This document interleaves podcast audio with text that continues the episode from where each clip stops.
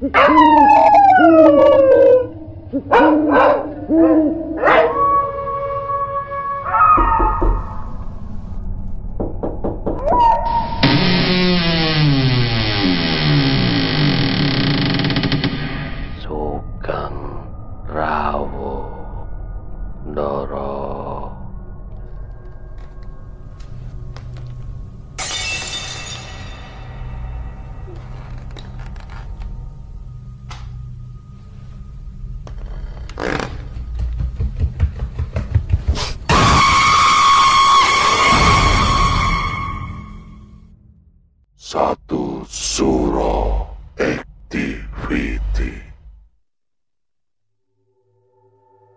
Assalamualaikum warahmatullahi wabarakatuh. Selamat malam. Rahayu, Rahayu, Rahayu, Rahayu. Para pendengar Satu Suro Activity. Saya, Andi Putro. Pada malam hari ini Kisah mistis dari Ramasira yang berjudul Santau. Episode sebelumnya. Aku pun langsung cepat-cepat mengemasi gelas bekas minumnya dan segera mengambil cangkul untuk menguburkan di samping rumahku. Waktu pun berjalan. Satu minggu tak terasa sudah berlalu.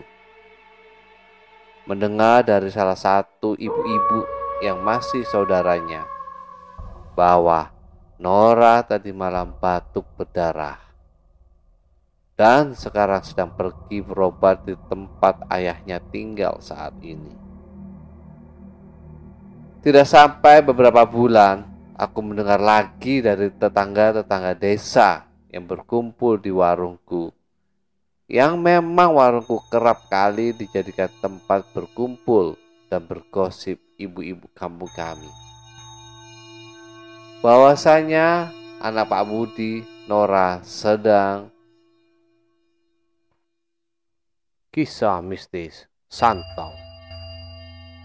Bagian keempat, ending. Selamat mendengarkan. Bahwasanya anak Pak Budi, Nora sedang sakit keras. Tepat 8 bulan dia sakit dan meninggal di rumah sakit di kotaku pada tahun 2017 silam. Sebenarnya sedih, cuma sepertinya aku belum bisa berhenti sampai di situ. Dalam benakku selalu terbayang rasa trauma yang begitu dalam dan membekas sejak lama. Yang mana aku menyaksikan dengan mata kepalaku sendiri bagaimana Pak Budi menancapkan ranting kayu bakau ke mata ayahku dan Pak Martin yang menyeret leher ayahku hingga ayahku sampai merenggang nyawa dan membuat ibuku memiliki penyakit mental dan aku memiliki seorang adik yang cacat. Tapi kembali lagi, bagiku itu tidak adil jika mereka harus hidup bahagia, sementara aku dan keluargaku harus menanggung dari perbuatan mereka di masa lalu.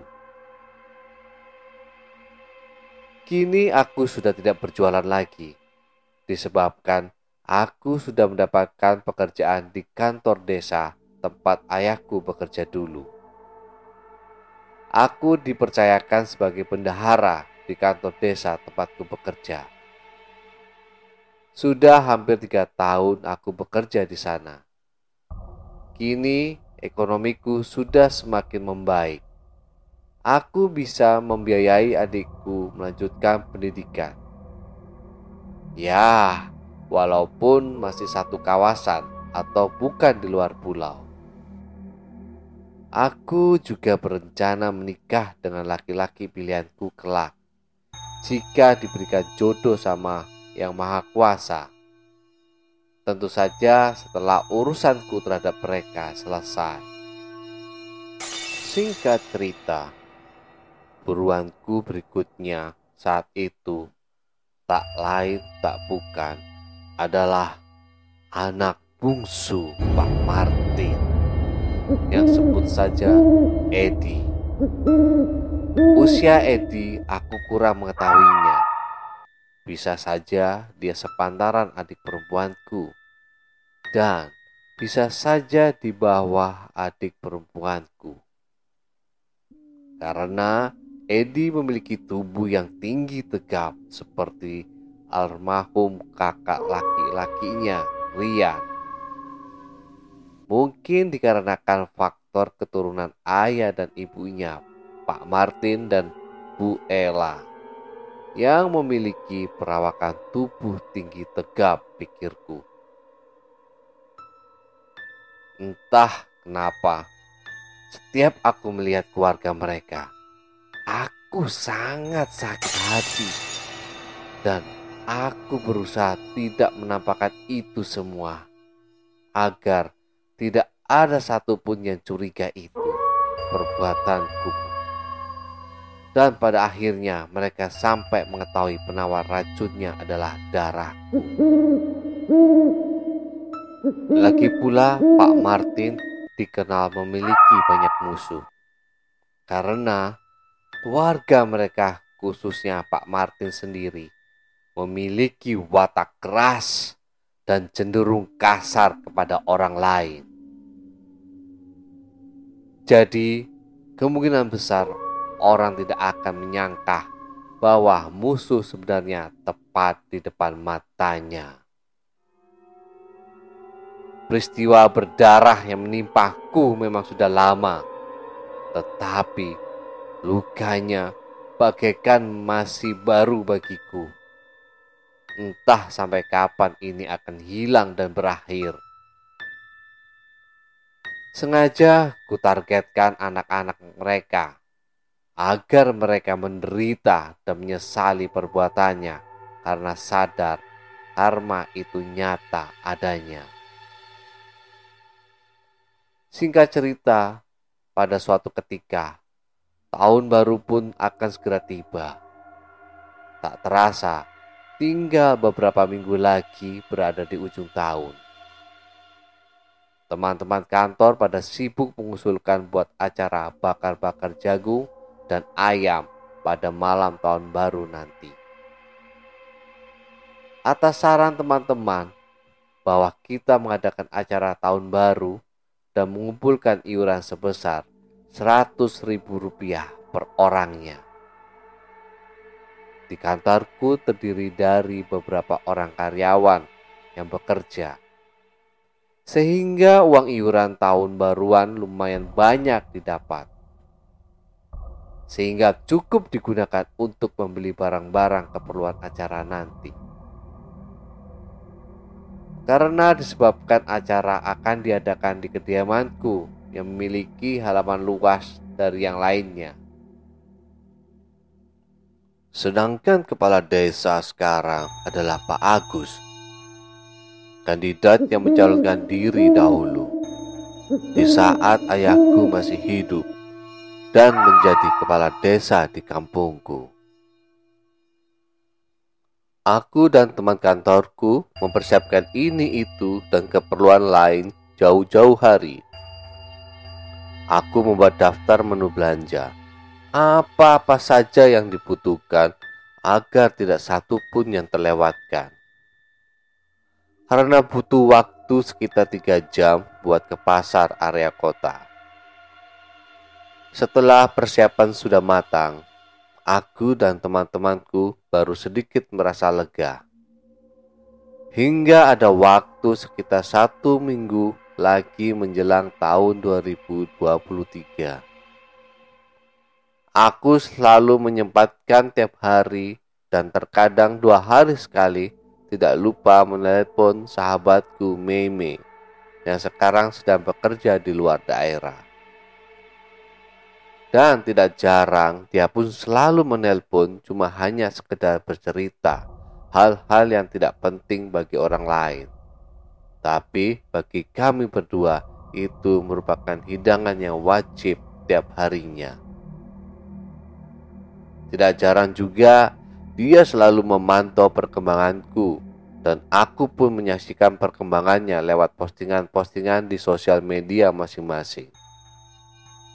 Hingga hari Senin pun tiba sekitaran tanggal 26 Desember 2022 kemarin.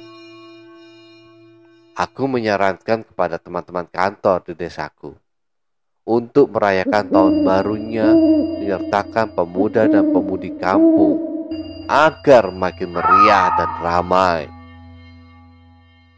Mereka pun menyetujui usulanku tersebut tanpa menaruh curiga sedikit pun bahwa ada niatku di balik itu semua. Hingga sekiranya persiapan sudah matang, sore harinya setelah selesai, aku menyempatkan diri bertanya kabar sahabatku yang kini sedang tidak berada di sisiku.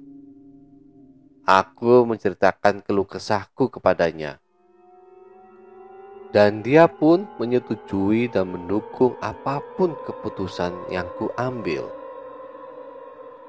Aku bersiap berangkat ke rumah ayah Meme untuk menyerahkan mahar ketigaku kepadanya. Seperti biasa, sesampainya aku di rumahnya, aku disambut dengan sangat baik oleh keluarga mereka. Layaknya menyambut anak sendiri baru pulang. Begitu yang kurasakan. Sehingga setelah beberapa saat bercengkerama dan bersenda gurau, aku pun mengutarakan niatku. Walaupun dia sudah pasti mengetahuinya tanpa perlu aku menjelaskan. Setelah menyerahkan mahar dan mereka memberikan apa yang aku butuhkan, aku pun bergegas pulang. Sesampainya di rumah, aku menyimpan baik-baik hingga tidak ada satupun orang di rumahku tahu apa yang aku lakukan. Termasuk adik perempuanku. Karena pada saat itu dia masih sangat kecil dan tidak menyaksikan apa yang aku saksikan. Dia hanya mengetahui bahwasanya ayahku kecelakaan tanpa disengaja Sementara ibuku tidak bisa menceritakan apa-apa kepadanya, dikarenakan mengurus dirinya saja tidak bisa mulai saat setelah peristiwa berdarah yang menimpa suaminya. Setiap kali aku berbuat demikian, bukannya aku tidak tersiksa. Aku selalu menangis, namun setelah kupandangi wajah ibuku dan adikku yang cacat, ketakutan dan rasa bersalah itu hilang. Hingga hari hanya pun tiba. Tanggal 31 Desember 2022 bertepatan malam mingguan. Setelah mempersiapkan keperluan untuk acara bakar-bakaran, tak terasa malam pun tiba. Para pemuda-pemudi kampung satu-satu berdatangan di kediamanku, termasuk teman kerja, yang mana acaranya diadakan di luar rumahku dengan hanya duduk lesehan di atas tikar yang sudah disediakan. Acara-acara seperti ini menurutku memang lebih cocok dan seru jika diadakan di halaman terbuka, bukan dalam ruangan tertutup. Selain kita memerlukan api unggun dan media pembakaran, yang mana itu semua tidak bisa dilakukan jika dilakukan dalam rumah atau ruang tertutup. Menu yang akan kami hidangkan kala itu adalah jagung, ubi, air timun, kelapa muda, dan ayam 20 kilo yang telah dimarinasi dan diungkap agar nanti saat dibakar isi dalamnya tidak mentah atau belum masak. Dan kami pun tidak lupa juga menyediakan nasi sebagai hidangan. Beberapa saat berlalu dan akhirnya orang yang ditunggu-tunggu pun muncul. Ya, Edi, siapa lagi? Dia yang kubutuhkan. Tidak sia-sia usulanku untuk mengundang dan mengadakan acara di rumahku. Hingga aku merasa leluasa dan tanpa ada yang menaruh curiga sedikit pun kepadaku. Setelah selesai bakar-bakar, kami pun berkumpul untuk makan. Aku memang sengaja meminta agar aku yang mengurus masalah minuman kepada mereka. Pokoknya malam ini aku jadi pedagang minuman ya. Seruku sambil bercanda ke salah seorang teman di sana. Oke, baiklah Wi. Kamu duduk di situ aja biar kita gampang memesan ya, Bi Markona. Seluruh temanku sambil tertawa cekikikan. Aku pun makan-makan hingga suara Edi pun terdengar. Kak, minta minum satu, Pedas soalnya kegigit cabe. Tuturnya sambil melambaikan tangan. Oke, sahutku sambil tangan meraih gelas plastik cup yang telah kusembunyikan di bawah meja minuman sedari tadi. Dan tentu saja sudah kumasukkan bubuk santaunya. Makanya aku sangat berhati-hati. Tidak boleh ada yang memegang minuman yang aku jaga sebelum aku mendapatkan mangsaku. Aku mencurahkan air es timun kelapa ke dalam kap beracun tadi, lalu memberinya kepada Edi. Nih dek, tuturku sambil memberikan minuman yang kutuangkan kepadanya. Dia pun langsung meneguknya tanpa ragu, karena sudah sedari tadi dia kepedasan. Seketika aku lihat gelas di tangannya sudah kosong dan menaruh gelas tersebut di hadapannya, yang mana gelas-gelas lain pun ada di situ. Aku langsung datang menghampiri sambil segera mengambil gelas tersebut. Sini-sini gelasnya. Kalau masih kepedasan biar kakak tuangkan lagi, jelasku.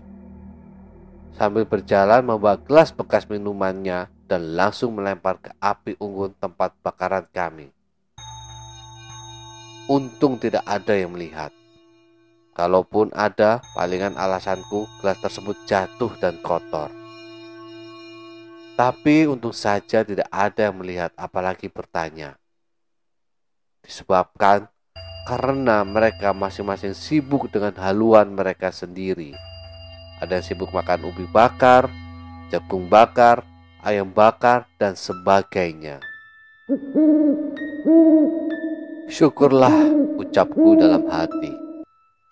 Aku pun mengambil gelas cup minuman yang baru dan menuangkan air di dalamnya, lalu memberikan lagi kepada Edi. Setelah misi berhasil, barulah aku sedikit leluasa ke sana dan kemari, ikut serta menikmati acara tahun baruan dan kebetulan jatuh di malam minggu. Aku minum, makan, dan berfoto ria supaya menjadi kenangan-kenangan di tahun berikutnya. Hingga tidak terasa malam makin larut dan mereka satu-satu mulai meninggalkan acara yang telah dibuat untuk kembali ke rumah masing-masing. Keesokan harinya, seperti biasa, aku melakukan rutinitasku, bekerja dan sebagainya. Hingga tidak terasa dua minggu berlalu. Sampai akhirnya aku mendengar bahwa Edi jatuh sakit dari salah seorang teman kantorku saat mereka sedang asik ngobrol di kantor bersama teman lainnya. Aku sesekali pura-pura menghampiri mereka yang sedang asik bercerita. Ada apa, ada apa? Bagi-bagi berita dong, tuturku agak terkesan natural. Itu si Edi anak Pak Martin sakit batuk berdarah. Tadi malam dia muntah dan sekarang sudah dibawa ke rumah sakit. Tutur salah satu temanku. Jujur, hatiku pun sebenarnya menangis. Tapi harus tetap tegar karena mereka semua khususnya ayahnya mendapatkan pelajaran dari peristiwa tersebut. Dibawa ke mana memangnya? Dia sakit apa? Tuturku. Tidak tahu, ini baru mau diperiksa. Seluruh temanku lagi. Dua bulan pun berlalu. Berbagai berita yang kudengar mulai dari Edi dan Pak Martin ke sana kemari melakukan pengobatan, baik dokter ataupun pengobatan alternatif. Hingga sampai-sampai aku mendengar Pak Martin menjual tanah hanya karena berobat anak bungsunya karena kekurangan biaya. Dan enam bulan berlalu, namun Edi tak kunjung sembuh. Ada kalanya aku sekali menyempatkan diri buat membesuk. Tapi aku tidak bisa berlama-lama di rumahnya disebabkan rasa kasihan itu selalu muncul jauh di lubuk hatiku. Ingin rasanya aku mengiris jariku agar menjadi obat baginya. Namun selalu peristiwa ayahku yang terbayang di benakku. Tolong, bagaimana aku bisa melepaskan rasa trauma dan luka yang ku dapat sewaktu kecil? Memang benar kata orang, seorang anak yang disakiti ketika mereka kecil akan menimbulkan trauma yang mendalam hingga dewasa dan mempengaruhi hidupnya kelak, serta mereka akan ingat terus-menerus sampai kapan pun.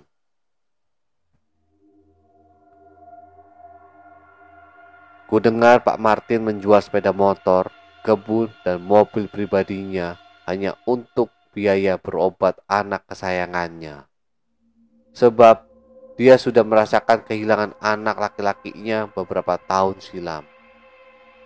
Mungkin dia tidak mau itu terjadi lagi pada anak bungsunya.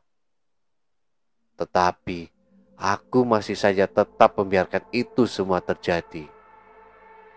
Hingga tiga hari yang lalu, aku melihat salah satu postingan di media sosial Orang-orang mengucapkan bela sungkawa atas meninggalnya Edi. Edi baru meninggal tiga hari yang lalu, tepatnya tanggal 28 Agustus 2023 kemarin. Dengan caption, Edi sudah tenang kamu di sana. Santo itu memang jahat, ungkap salah seorang teman Facebookku. Kalau ditanya siapa pelakunya, ya aku pelakunya. Aku pun tidak tahu kapan aku akan berhenti. Yang jelas, aku hanya menyisakan masing-masing satu anak dan istri bagi keluarga mereka sebelum mereka sendiri yang jadi target buruanku berikutnya. Ya, kali ini bersiaplah kamu Pak Budi dan Pak Martin. Kalian targetku berikutnya.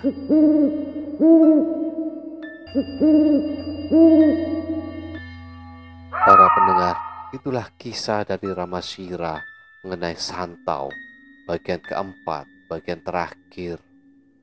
Kisah Santo ini terjadi berawal dari masa kecil si Rama yang melihat secara langsung kejadian ayahnya dibunuh oleh Pak Martin dan Pak Budi. Setelah hal tersebut tidak mendapatkan keadilan sehingga timbul rasa trauma dan dendam mendalam kepada Pak Martin dan Pak Budi. Seiringnya waktu, Ramah pun meracuni anak-anak Pak Martin dari Rian, Nora, dan terakhir Edi anak bungsu Pak Martin dengan santau. Dari kisah tersebut, keadilan manusia di dunia terkadang tidak sesuai yang seperti yang diharapkan. Terkadang keadilan hanya milik yang berkuasa dan jatuh kepada orang-orang yang jahat. Jika saya di sisi si Rama, jika tidak mendapatkan keadilan, maka akan timbul rasa dendam dan amarah. Manusiawi jika Rama merasakan hal tersebut, tetapi di satu sisi apa yang dilakukan Rama terhadap anak-anak Pak Martin tidak bisa juga dibenarkan. Jika hal yang dilakukannya terkuak dan terbukti, maka akan menjadi tindak pidana pembunuhan berencana. Rama, semoga kamu mendapatkan keadilan yang kamu inginkan dan terbayar semuanya. Mendapatkan kehidupanmu yang lebih indah dan baik. Para sahabat satu suro activity. tinggalkan catatan doa kalian di kolom komentar, like, subscribe, dan bunyikan lonceng keramatnya. Para sahabat satu surah activity, tetaplah iling lan waspodo. Assalamualaikum warahmatullahi wabarakatuh. Salam, salam, salam. Rahayu, rahayu, rahayu. Sahabat.